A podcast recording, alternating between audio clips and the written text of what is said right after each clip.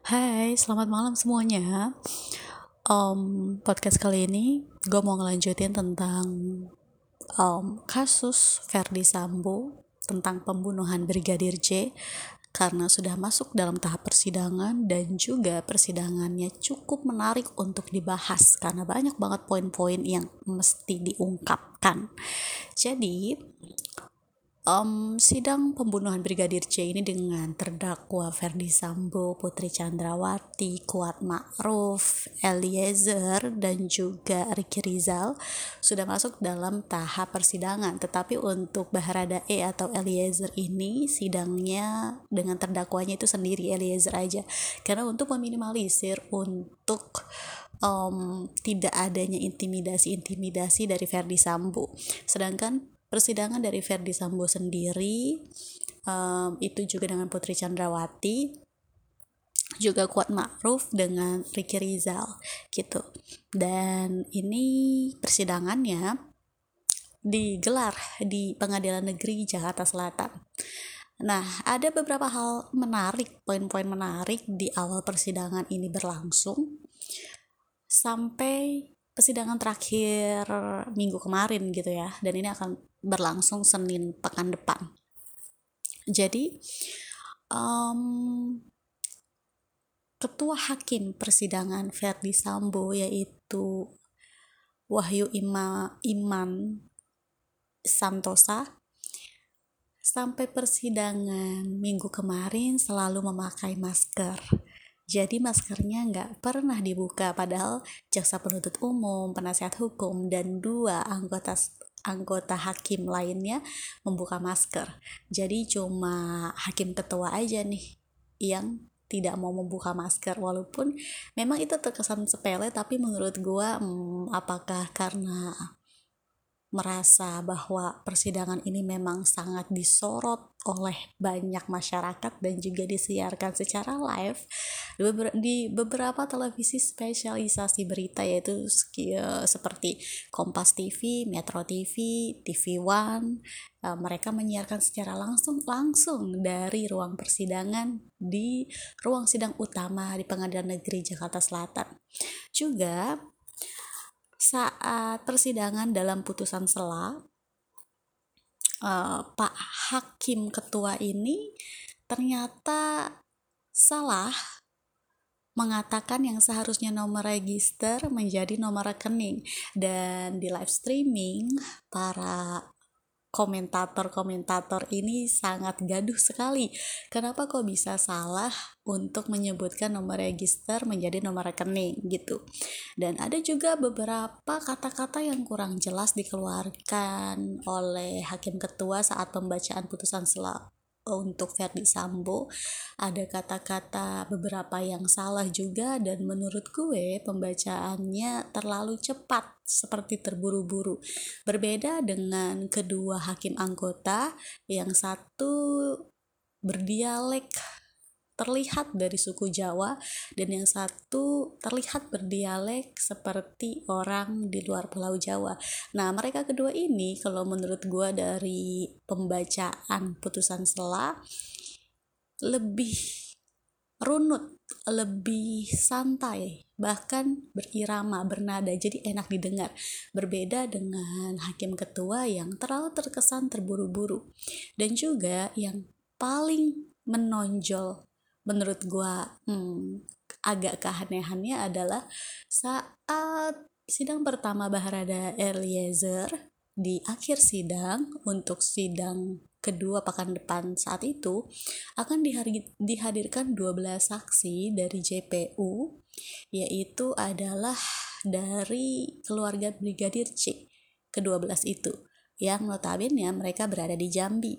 Tetapi ternyata hakim ketua mengatakan untuk pengadilan yang murah dan efisien, keterangan kedua belas saksi ini bisa saja di hmm, dijelaskan melalui Zoom lewat pengadilan negeri Jambi dan akan dikoordinasikan untuk kelengkapannya. Nah ini kalau gue lihat dari live streaming saat kamera menyorot ke jaksa penuntut umum, seperti mereka sedikit agak kaget dan bingung saat ketua hakim menyodorkan alasan untuk pengadilan yang murah dan efisien karena ya memang sudah tidak ada lagi um, apa ya COVID-19 yang mungkin sebelumnya apa-apa melalui Zoom gitu, tetapi sekarang kan sudah terkesan normal. Jadi pasti saat JPU mengatakan akan menghadirkan 12 saksi ya akan dihadir, dihadirkan secara langsung di Pengadilan Negeri Jakarta Selatan dengan instruksi tidak langsung dari hakim ketua yang mengatakan kalau bisa untuk persidangan yang murah dan efisien bisa kedua belas saksi itu uh, menjelaskan kesaksiannya melalui Zoom.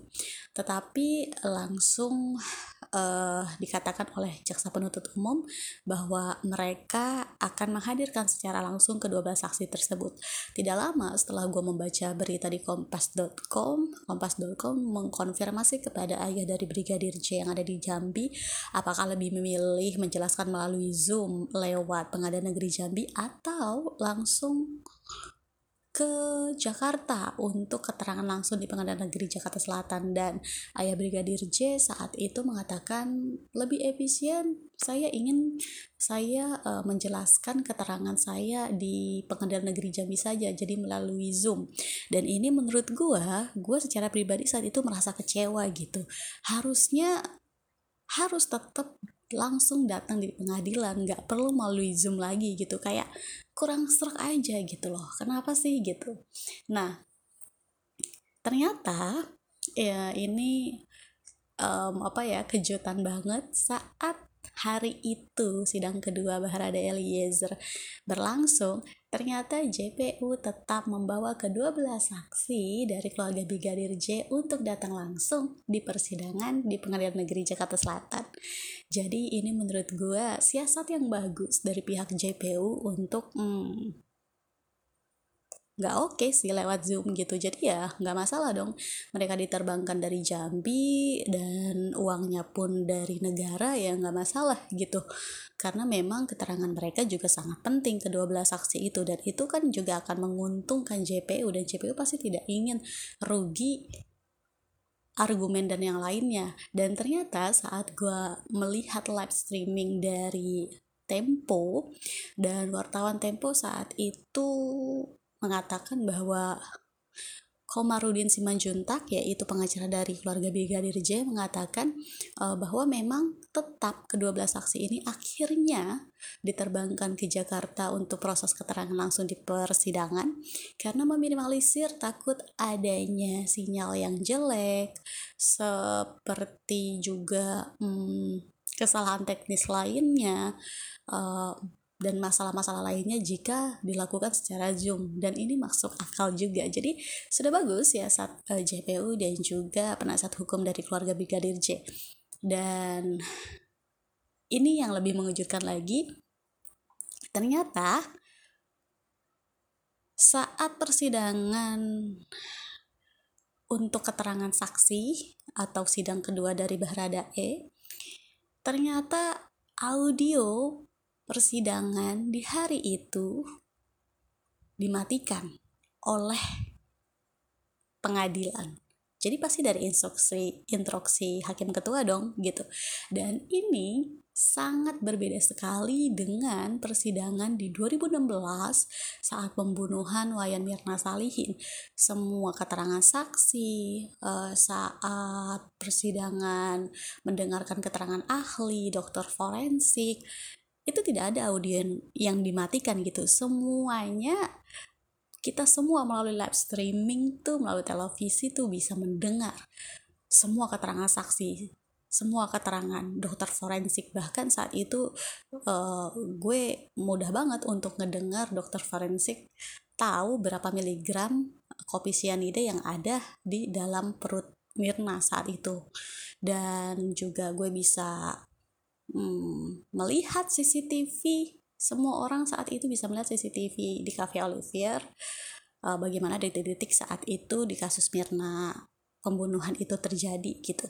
Jadi agak tidak sinkron dengan persidangan sekarang bahwa audio tiba-tiba atau dengan persetujuan untuk keterangan saksi di persidangan hari itu dimatikan ini kan seperti membisu ya membisukan uh, kita semua untuk bisa mengetahui karena pasti dari kedua belas saksi itu sangat penting sekali keterangannya untuk bisa kita dengar dari sisi keluarga korban gitu loh karena selama ini kan dari awal Mabes Polri pun sudah bohong gitu loh tentang pembunuhan Brigadir J yang dibilang tembak menembak.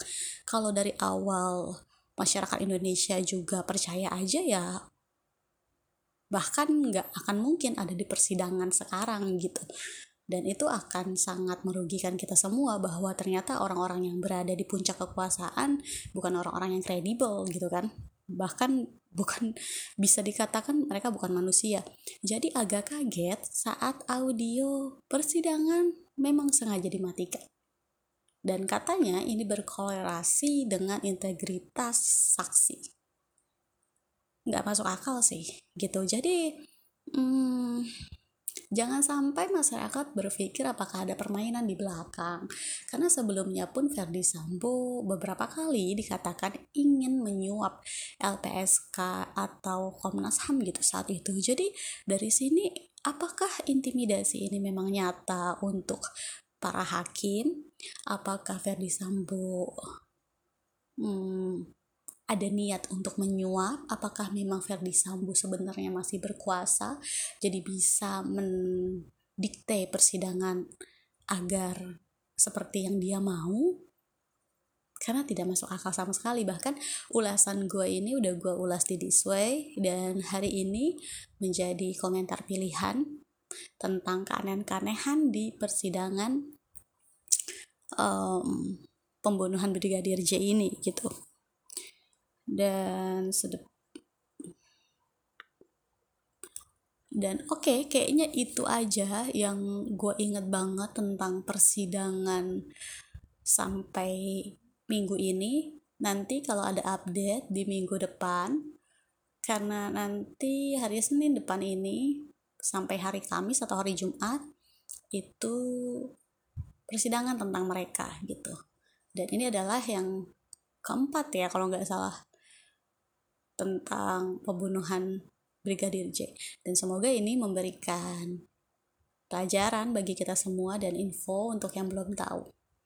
Terima kasih sudah menonton menonton mendengarkan. Thank you